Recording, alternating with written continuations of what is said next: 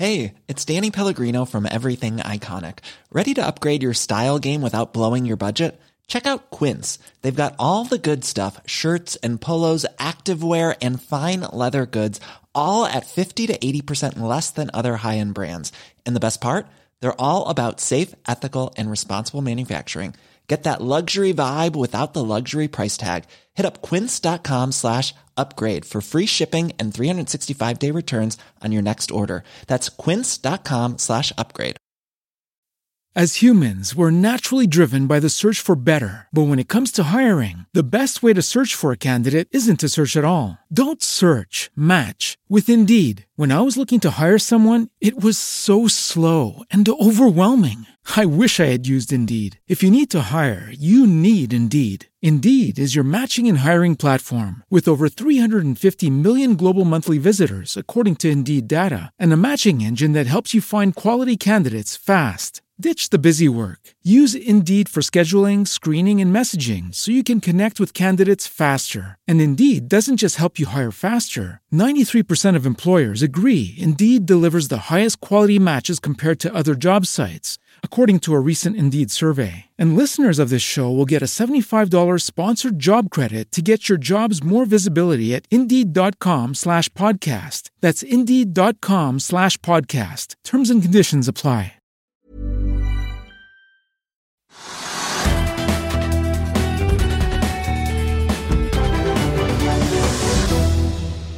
Velkommen til Økonominyhetene torsdag 10. februar, en dag der nesten 40 selskaper har sluppet resultatene sine, og det vil jo naturligvis prege dagens sending. Vi har snakket med sjefene i Aker BP og DNB om deres resultater i fjerde kvartal. Vi får også teknisk analyse av bilfrakt- og logistikkonsernet Valenius Wilhelmsen. De slapp jo sine resultater tirsdag ettermiddag, og aksjen spratt jo opp da i går 10,65% og har fortsatt opp nye 11,2 i dag, til hele 64 kroner og 70 øre. Meglerhuset DNB Markets har jo nå økt sitt kursmål på Valenius Wilhelmsen fra 62 til 78 kroner. Beholder imidlertid sin kjøpsanbefaling, siden det ikke er noe mer å gå på der. Pareto beholder også sin kjøpsanbefaling, men øker fra 63 til 88 kroner.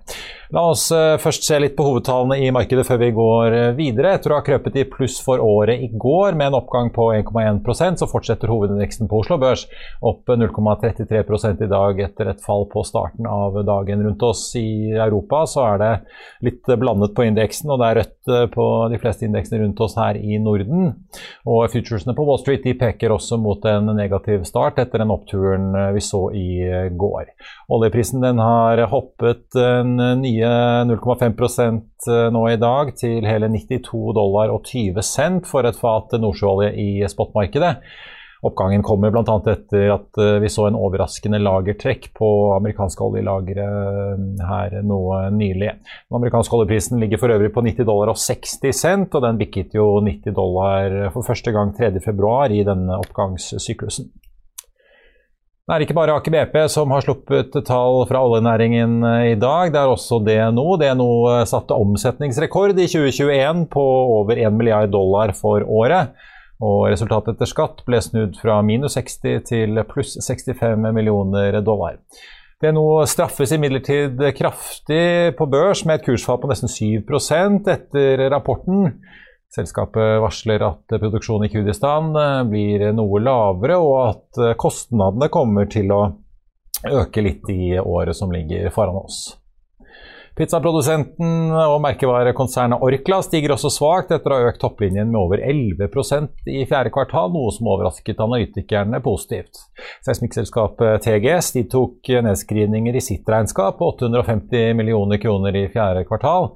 Selskapet opprettholder utbyttet sitt på 0,14 dollar aksjen. Den aksjen startet litt ned, men har hentet seg kraftig inn utover dagen og er nå opp over 8 Blant de mest omsatte aksjene merker vi oss at Bergen Carbon Solutions, som jo Spetalen er involvert i gjennom Saga Pure, faller 9 etter å ha landet emisjonen der de henter 250 millioner kroner som skal være med å delfinansiere fabrikken i Mosjøen for karbonnanofibre. Totalt anslås det at prosjektet trenger investeringer på 460 millioner. Øverst på vinnerlisten i dag finner vi selskapet Link Mobility, som belønnes med over 18% oppgang etter sine kvartalstall. Og det har jo da kommet så mange kvartalsrapporter i dag at vi nesten, får nesten bare liste opp noen av de andre som har kommet. Det inkluderer Ocean Sun og Multiconsult, som stiger i overkant av 7 Høg Autoliners og Salmon Evolution er opp mellom 5 og 6 og da Høge Autoliners stiger kraftig etter en tidobling av resultatet. Quantafuel de stiger over 9% Plastgjenvinningsselskapet melder at de har funnet feilen ved fabrikken i Skive i Danmark som, der produksjonen måtte stenge etter at det ble et hull i et forbrenningskammer på en av produksjonslinjene. Selskapet regner med at produksjonen er tilbake i midten av mars, og så faller Havila kystruten over 6% etter ytterligere forsinkelser for selskapet. Før vi går videre i sendingen, husk at du også kan se sendingene våre ved å gå inn på fano-tv, og at vi også har andre podkaster enn bare Økonominyhetene, som Morgenkaffen, Gründerpodkasten Veien hit, Ukens vintips, Kunstpraten og bilpodkasten Mil etter mil. De finner du ved å søke Finansavisen der du hører på podkast. Kjell Inge Røkke og Akers oljeselskap Aker BP slapp sine resultater i dag, og før ekteskapet med oljeselskapet Lundin gjennomføres til sommeren, så kan Aker BP merke seg et rekordhøyt driftsresultat på over 11 milliarder kroner i siste del av 2021. I aksjemarkedet er Aker BP-aksjen ned rundt 4 i dag, og Carnegie-analytiker Oddvar Bjørgan tror nedgangen kommer av at en del, særlig da i utlandet, lar seg skremme av at investeringene i selskapet skal kraftig opp i årene fremover, når bl.a. Eh, King Lear og det store Noaka-prosjektet skal bygges ut. I år ligger det imidlertid an til en ganske stabil eh, både produksjon og investeringsprofil for Aker BP.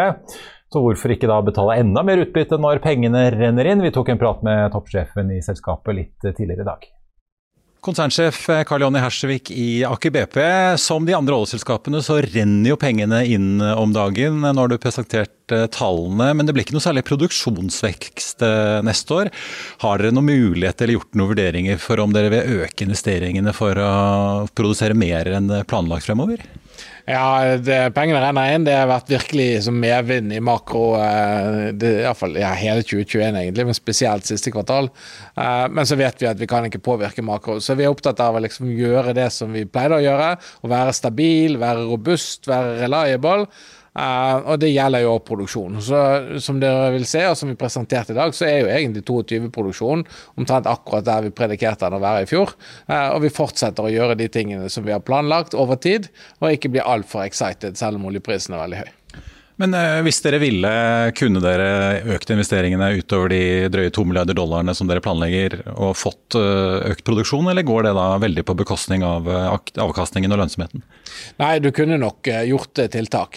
Det som skjer da, er at du påvirker jo ikke bare produksjonen neste år, men du påvirker jo reserven. Så, så vi vil jo prøve å maksimere oljeproduksjon over livstida på disse feltene. Og det er klart, Den typen akselerasjon går typisk på bekostning av reservevekst. og vi har valgt å liksom tenke på dette som et langsiktig game, og ikke som en sprint.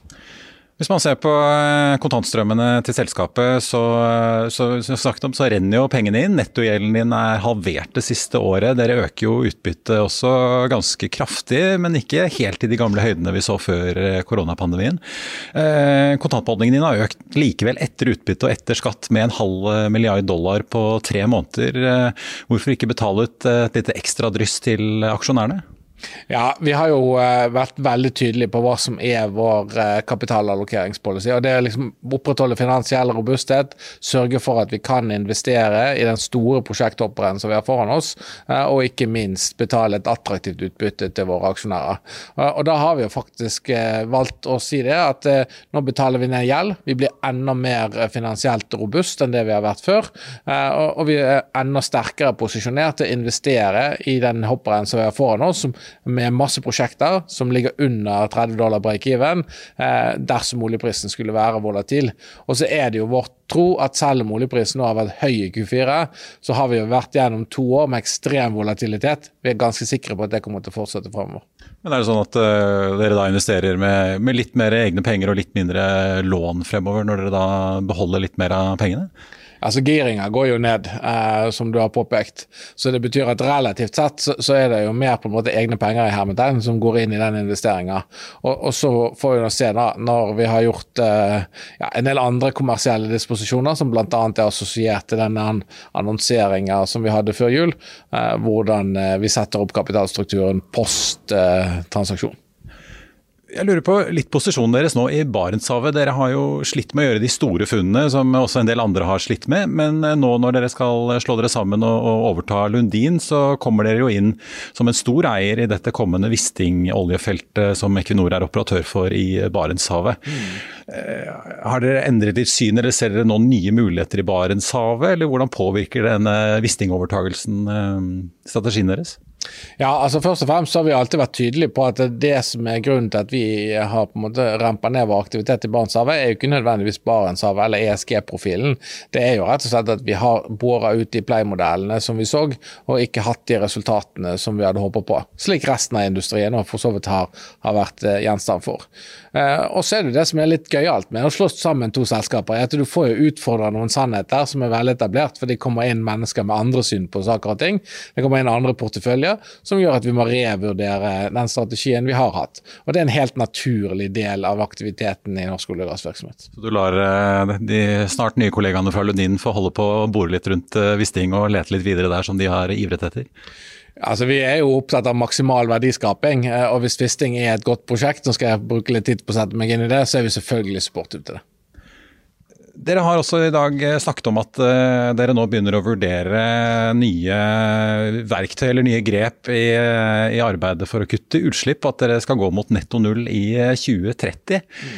Eh, mange har jo sett hvordan Lundin har kjøpt seg inn i, i, både vannkraft og vindparker som ble bygget ut de siste årene og er under bygging. Eh, hva er det egentlig dere vurderer nå? Ja, altså dette er jo et arbeid som nettopp er startet, og som vi valgte å annonsere i dag. Så Vi fokuserer jo fortsatt på grossreduksjon eh, gjennom eh, altså energiforbedring, dekarbonisering, kraft fra land osv. osv. Men så er det jo slik at etter hvert som denne energitransisjonen tar mer og mer fatt i den strategiske agendaen i alle selskapene, så gjør han selvfølgelig òg det i Aker BP. Så, så, dette handler jo mest om decarbonisation av den totale eksponeringa i eh, Aker BP sin aktivitet. Ikke nødvendigvis å gjøre som Lundin, nemlig å kjøre opp oss inn i fornybar, men, men helt å jobbe med CO2-verdikjeden. Og så er jo vi så heldige at vi er en del av Aker-systemet, og dermed optimalt egentlig eksponert plassert for både transport, lagring og capture. Eh, og så vil vi komme tilbake igjen med den helt konkrete strategien eh, når vi har kapitalmarkedsdag i april. Men dette blir spennende. Ja, men er det sånn at dere nå ser på debatten om elektrifisering i Norge og tenker at eh, kanskje det Lundin gjorde, å dekke sitt eget kraftbehov, kanskje ikke var så dumt? Eh, nei, det, handler ikke så mye om kraft og kraftbalanse. Eh, som vi allerede har snakket om på kapitalmarkedsdagen, så er jo kraftprisene egentlig ganske tungt linka til gassprisene. Så, så, det er klart, ja, elprisene våre øker. Uh, men det gjør også gassprisene, så det blir en slags hedge på, det, på akkurat det elementet der. Det, det, som vi her snakker om, er hvordan får du til en si, karbonnøytral oljesykkel. Det er det vi jobber med nå. Hvordan klarer du egentlig å få scope 1, scope 2 og scope 3 til å, min, være minimal CO2-utslipp, og dermed oljeproduksjon som energibærer til minimal impact på CO2-budsjettet uh, på kloden. Hey, it's Paige DeSorbo from Giggly Squad. High quality fashion without the price tag. Say hello to Quince.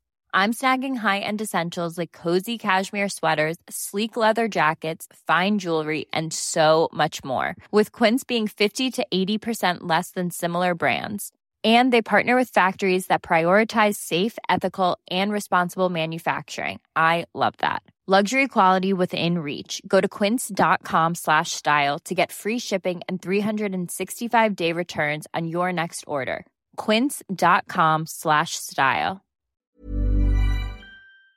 I'll see you in court. Vi sier det ofte litt på spøk, men for deg som driver business, er det aldri moro å innse at du ikke har laget en 100% gyldig kontrakt. Du bør ikke risikere hele firmaet ditt fordi du synes dette med kontrakter er litt stress. En avtale er ikke en avtale. Du kan miste kunder, miste venner, ja, til og med miste inntekter om du ikke lager en skikkelig kontrakt, på alt mulig, egentlig. Men vi vet det er et styr. Kopimaskiner, treg printer og haugevis av papir. Dessuten stoler vi jo på folk her i landet. Det er ofte litt kleint å skulle be om en signatur for alt mulig, ja, for mye av styret handler også om jakten på underskriften. Det finnes en enkel måte å løse dette på, Dukkobit, en trygg, effektiv og get this, gratis måte å sikre seg en god natts søvn pluss en juridisk bindende avtale. Dukkobit-appen har de strengeste sikkerhetskrav i bunn, samt en EU-godkjent og sertifisert teknologi. Framover vil det bli behagelig å spørre du, skal vi skrive under på det, eller? Kom i gang på dukkobit.no. En annen aksje som også har slitt litt i dag etter resultatslippet, er DNB. Banken melder om at resultat før skatt økte fra 5,6 til 8 milliarder kroner mot, mot, mot fjerde kvartal i 2020, og utbyttet økes fra 9 til 9 kroner og 75 aksjen, slik at totalt 15 milliarder kroner skal drysses over aksjonærene.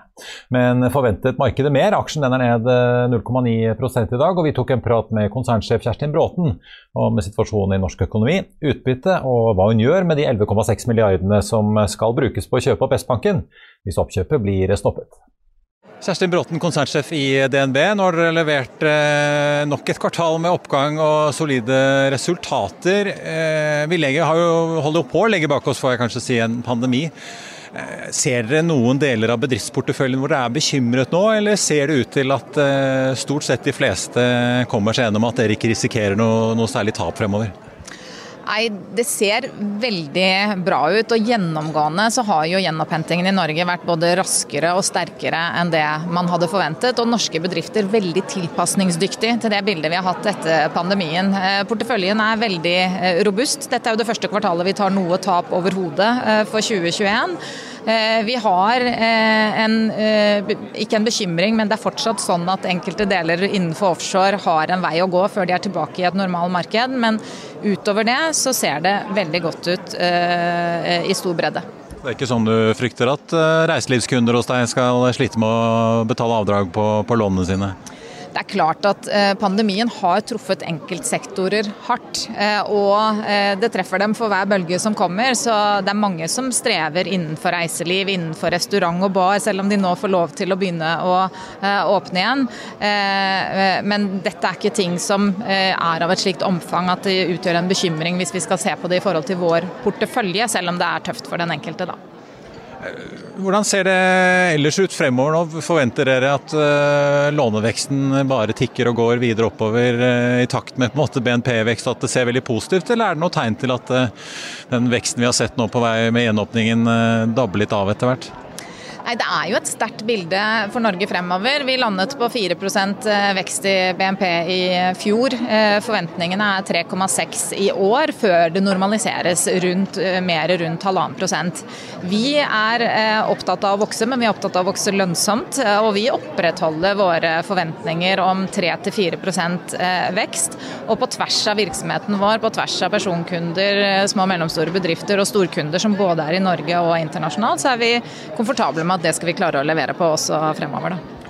Dere øker utbyttet fra 9 til 9 kroner og 75 i år. Kunne dere strukket dere litt uh, lenger? Jeg ser at noen analytikere mener at dere har litt mer å gå på, bl.a. hvis man ser på hvor mye buffer dere har på kjernekapitalen deres f.eks.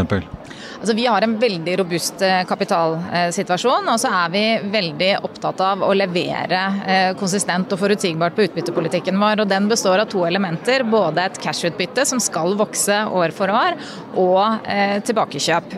Og Summen av disse to skal vi bruke for å betale ut den kapitalen vi ikke reinvesterer i virksomheten, til aksjonærene våre. Eh, mange vil jo lure på nå eh, hva som skjer med S-banken. Det er jo litt ut av deres hender. Dere har jo påklaget uh, neiet dere fikk fra Konkurransetilsynet på å overta S-banken. Det blir jo nå forhåpentligvis avklart i mars. Hvis du får et nei, så sitter du da med over ja, 10 milliarder du skulle brukt på dette oppkjøpet. Hva skjer med de pengene? Blir de sendt til aksjonærene, eller har du andre investeringer å bruke den kapitalen på? Nei, Vi har ikke kommunisert at det er andre alternativer vi eh, ønsker å bruke de på, men løpende så eh, reinvesterer vi deler av overskuddet vårt eh, tilbake i virksomheten, så lenge det gagner aksjonærene og bidrar til at vi leverer over minimumsmålet vårt, som er 12% avkastning. Og den kapitalen vi ikke bruker i virksomheten, den deler vi ut til aksjonærene våre gjennom utbyttepolitikken. Har du noen store alternative investeringer på vent som, som kan ta noen store deler av det? Nei, altså vår, eh, vår, primærstrategi er å vokse organisk. Eh, så gjør vi mindre oppkjøp fra tid til annen. S-banken var et litt større enn de andre mindre oppkjøpene vi har gjort. Eh, her ser vi markedet løpende, men det, men det er ikke noe annet eh, som, eh, som ligger i kjølvannet klart hvis dette ikke blir noe av. Og Det er jo ventet at eh, Konkurranseklagenemnda vil komme med sin beslutning 18.3. Selv om DNB betjener mange av eh, landets bedrifter, så er privatmarkedet også svært viktig for banken. Boliglånsrentene er jo på vei opp. Samtidig så mener DNB også at de skal klare å hente mye av veksten i kapitalforvaltningsvirksomheten sin fra nettopp eh, privatkundene. Er spareiveren hos nordmenn fortsatt like stor som vi har sett litt tidligere i pandemien? Det spurte vi bankens sjef for privatmarkedet om. Ingjerd Blekeli Spiten, konserndirektør for privatmarkedet i eh, DNB. Nå har konsernet sluppet tall, og det går jo oppover. Men i ditt segment litt lavere netto eh, renteinntekter, samtidig som mange kunder har fått økte boliglånsrenter. Eh, hva er det som skjer i ditt segment da? Ja, nei, Det som skjer, det er jo at uh, vår, den innlånskostnaden som vi må betale, den er høyere enn den utlånskostnaden vi, vi, vi, kan ta. For det er seks ukers varslingsfrist når vi setter prisene opp eh, på boliglån. Så derfor så ligger vi etter. Eh, så vi har ikke klart å, å reprise porteføljen vår like fort som vi får høyere innlånskostnader. Så det er grunnen til det. Hva er det kundene dine må forberede seg på nå eh, fremover, da? Vi får en ny sentralbanksjef, men Norges Bank skal vel uansett øke renten. Eh, følger dere takt for takt etter? Ja, altså De sier jo at de skal eh, øke renten, og alle forventer jo det. Men det er jo et tegn på at det går godt i norsk økonomi. Så jeg, alt i alt så tror jeg det er veldig positivt. Og vi skal jo bort fra et unormalt lavt rentenivå, og det har vi jo faktisk fortsatt. Det er jo uh, fortsatt veldig veldig lavt. Sånn at uh, jeg tror det er bra for hele norsk økonomi at vi kommer over på et mer normalt rentenivå. Fortell litt om, om, hva som skjer i porteføljen. Vi har jo sett Under pandemien så har det jo vært en voldsom interesse for aksjehandel. Sparing har økt uh, voldsomt. Det har jo dere sett i, i innskudd og fondstegninger hos dere. Hvordan ser det ut nå? Er det noe tegn til at denne veksten avtar? Nei, Det som vi syns er veldig hyggelig å se, det er at eh, alle de som Vi hadde jo enormt, jeg tror vi hadde 400 000 eller noe sånt nye spareavtaler i løpet av 2021, eh, som er veldig mye. Og det vi ser er at eh, kundene sitter i spareavtalene sine. Og det tenker vi at da har vi gjort en god, god rådgivning, for det er langsiktig eh, sparing og det å på en måte eh, tenke fremover. Og så har vi jo sett et veldig boom av unge kunder som har tatt i bruk aksjehandel for, for eh, første gang. Eh, og Det ser jeg også på som veldig positivt. Altså Nå er det rekordlavt eh, rentenivå. Veldig lite avkastning å få på renter for sparepengene i banken. Og da er det mange som har prøvd seg ut både med fond og aksjer, og det tror jeg er veldig, veldig fint at man da har fått øynene opp for flere spareformer, da. Men det at det er så mange unge, altså både unge og gamle, får vi si, nye aksjonærer eh, på børsen som kanskje bare har sett oppgang siden våren 2020 i aksjemarkedene. Vi har mange i boligmarkedet som ikke har opplevd annet enn disse lave rentene du snakker om, som nå begynner å tikke oppover. Er, det noen grunn til bekymring for at eh, flere kan få seg en liksom privatøkonomisk smell i årene fremover, eh, hvis vi plutselig får en stor korreksjon i aksjemarkedet? Det tror jeg ikke. Altså, for Vi har jo kontakt med veldig veldig mange kunder, og det vi opplever er at eh, det har vært Det er mange som har lest seg opp og vært veldig nysgjerrig. Eh, vi har jo sett en nesten eksplosjon av på en måte eh, aksjeklubber og aksjeprat. Og, så jeg tror at man forstår eh, risikoen. Eh, og i hvert fall i de samtalene vi har med kunder, så opplever vi at det er veldig veldig balansert. Så jeg, ikke, eh, jeg opplever at DNB-kunden den har verken lånt for mye eller, eller spekulerer i, i, høy grad. Da. Men det er gjennomsnittlig, da, for å si det sånn. Det sikkert noen andre også. Ja. Dere skriver jo at den veksten dere forventer og skal prøve å få til da, i, i forvaltning, altså asset management fremover, skal i veldig stor grad komme nettopp fra personer personmarkedet. Er det da flere kunder, eller er det at dere har større inntjening per kunde som, som er det dere tror dere skal få til? Nei, altså det vi ser er jo at For det første ser vi at det er mange som har begynt med spareavtaler. Og så ser vi også det at det å ha en av Norges mest populære spareapper, altså som vi har gjennom Spare, så ser vi at det er veldig mange kunder som nå går på mobilen. Og spesielt de nye fra, fra retail-segmentet, altså fra personmarked. De har jo ofte ikke så store beløp. Så det er jo, vi er jo ofte mange i antall, vi folk flest. Mens, mens de store beløpene kommer jo fra, fra andre segmenter, da. Til slutt, Du følger jo sikkert spent med, som også vi på utsiden gjør, hva som nå skjer med dette S-banken-oppkjøpet, som dere har veldig lyst til å gjennomføre, selvfølgelig. Nå er det jo litt ut av deres hender, men dette er jo noe som påvirker din divisjon i DNB aller mest, selvfølgelig. Fordi det er jo primært privatmarkedet S-banken retter seg mot. Hva gjør du hvis du ikke får kjøpe opp S-banken? Endrer det planene eller hvordan dere vil opptre i markedet? Nei, vi, vi, trodde jo at vi skulle få kjøpe S-banken.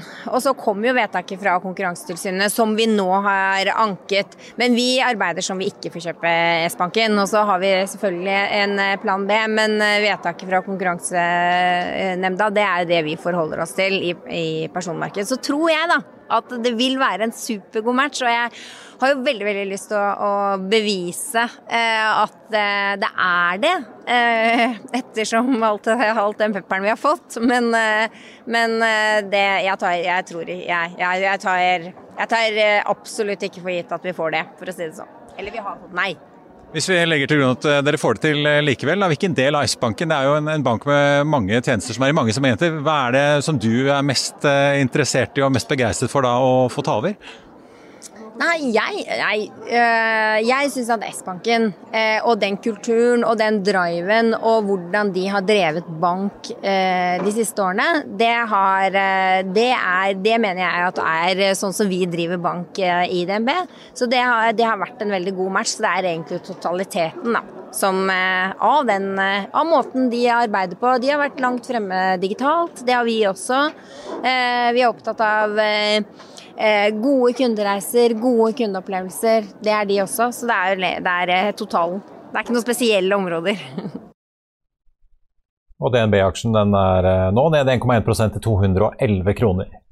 Vi tar en liten oppdatering på en av de store børsnoteringene som er på vei inn på Oslo Børs i år. Oslo Børs har nemlig nå vedtatt å ta opp oljeselskapet Vår Energi. Oljeselskapet søkte jo dispensasjon fra kravet om friflyt eller spredning i eierskapet på 25% og det får de nå dispensasjon fra. Ja, det kommer frem i en børsmelding nå i ettermiddag.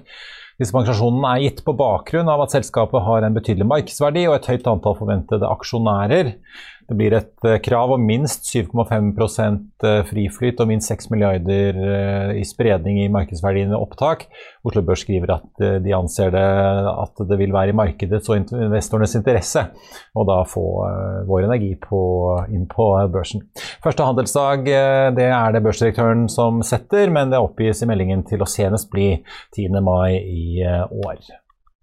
Og Valenius Wilhelmsen-aksjen er jo nå opp 11,3% i dag. og Børsnykommer Høg Autoliner, som jo er i samme bransje, den aksjen er opp 8,1% til 32,75 i dag. Meglerhuset Clarksons Plato uh, annonserte i dag at de løfter kursmålet på Høg Autoliners fra 45 til 50 kroner, og gjentar sin kjøpsanbefaling. Meglerhuset ser en oppside i inntjeningen til Høg Autoliners utover året, takket være at de ser for seg, eller ser da at, at fraktratene blir reforhandlet oppover utover året. Vi får også ta med at Equinor fortsetter opp 3 i dag, til 267 kroner og 90 øre akkurat nå.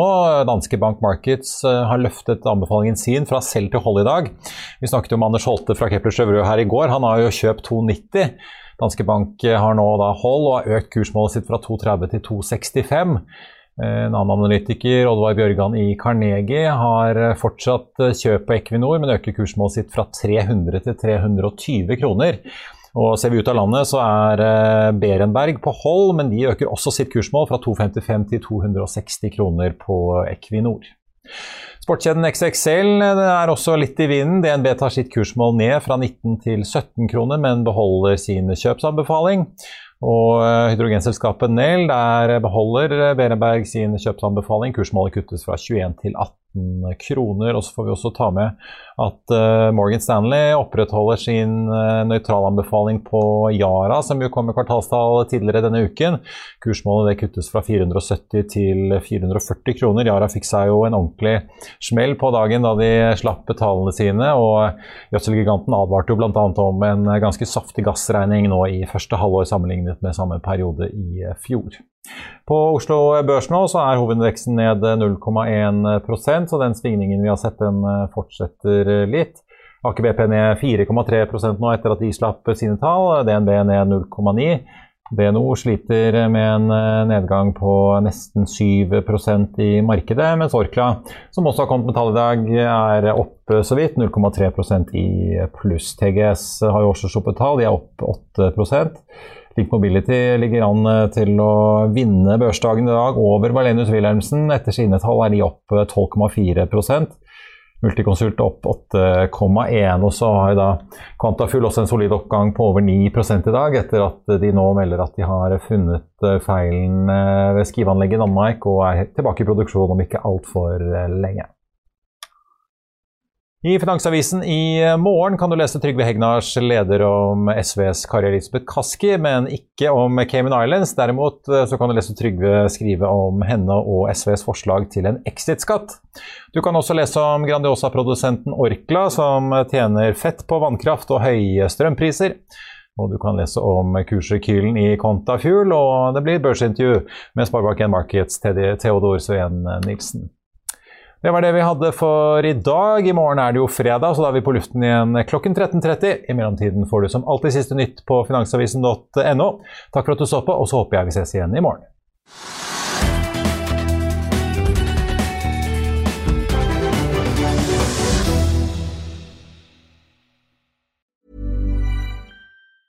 Planning for your next trip? Elevate your travel style with Quince. Quince has all the jet setting essentials you'll want for your next getaway, like European linen, premium luggage options, buttery soft Italian leather bags, and so much more. And is all priced at 50 to 80% less than similar brands. Plus, Quince only works with factories that use safe and ethical manufacturing practices. Pack your bags with high-quality essentials you'll be wearing for vacations to come with Quince. Go to quince.com/pack for free shipping and 365-day returns. As humans, we're naturally driven by the search for better. But when it comes to hiring, the best way to search for a candidate isn't to search at all. Don't search, match with Indeed. When I was looking to hire someone, it was so slow and overwhelming. I wish I had used Indeed. If you need to hire, you need Indeed. Indeed is your matching and hiring platform with over 350 million global monthly visitors, according to Indeed data, and a matching engine that helps you find quality candidates fast. Ditch the busy work. Use Indeed for scheduling, screening, and messaging so you can connect with candidates faster. And Indeed doesn't just help you hire faster. 93% of employers agree Indeed delivers the highest quality matches compared to other job sites, according to a recent Indeed survey. And listeners of this show will get a $75 sponsored job credit to get your jobs more visibility at Indeed.com slash podcast. That's Indeed.com slash podcast. Terms and conditions apply. When you need mealtime inspiration, it's worth shopping Kroger, where you'll find over 30,000 mouthwatering choices that excite your inner foodie. And no matter what tasty choice you make, you'll enjoy our everyday low prices, plus extra ways to save, like digital coupons worth over $600 each week. You can also save up to $1 off per gallon at the pump with fuel points. More savings and more inspiring flavors make shopping Kroger worth it every time. Kroger, fresh for everyone. Fuel restrictions apply. Økonominyhetene er en podkast fra Finansavisen. Programledere er Marius Lorentzen, Stein Ove Haugen og Benedikte Storm Bamvik. Produsenter er Lars Brenden Skram og Bashar Johar. Og ansvarlig redaktør er Trygve Hegnar.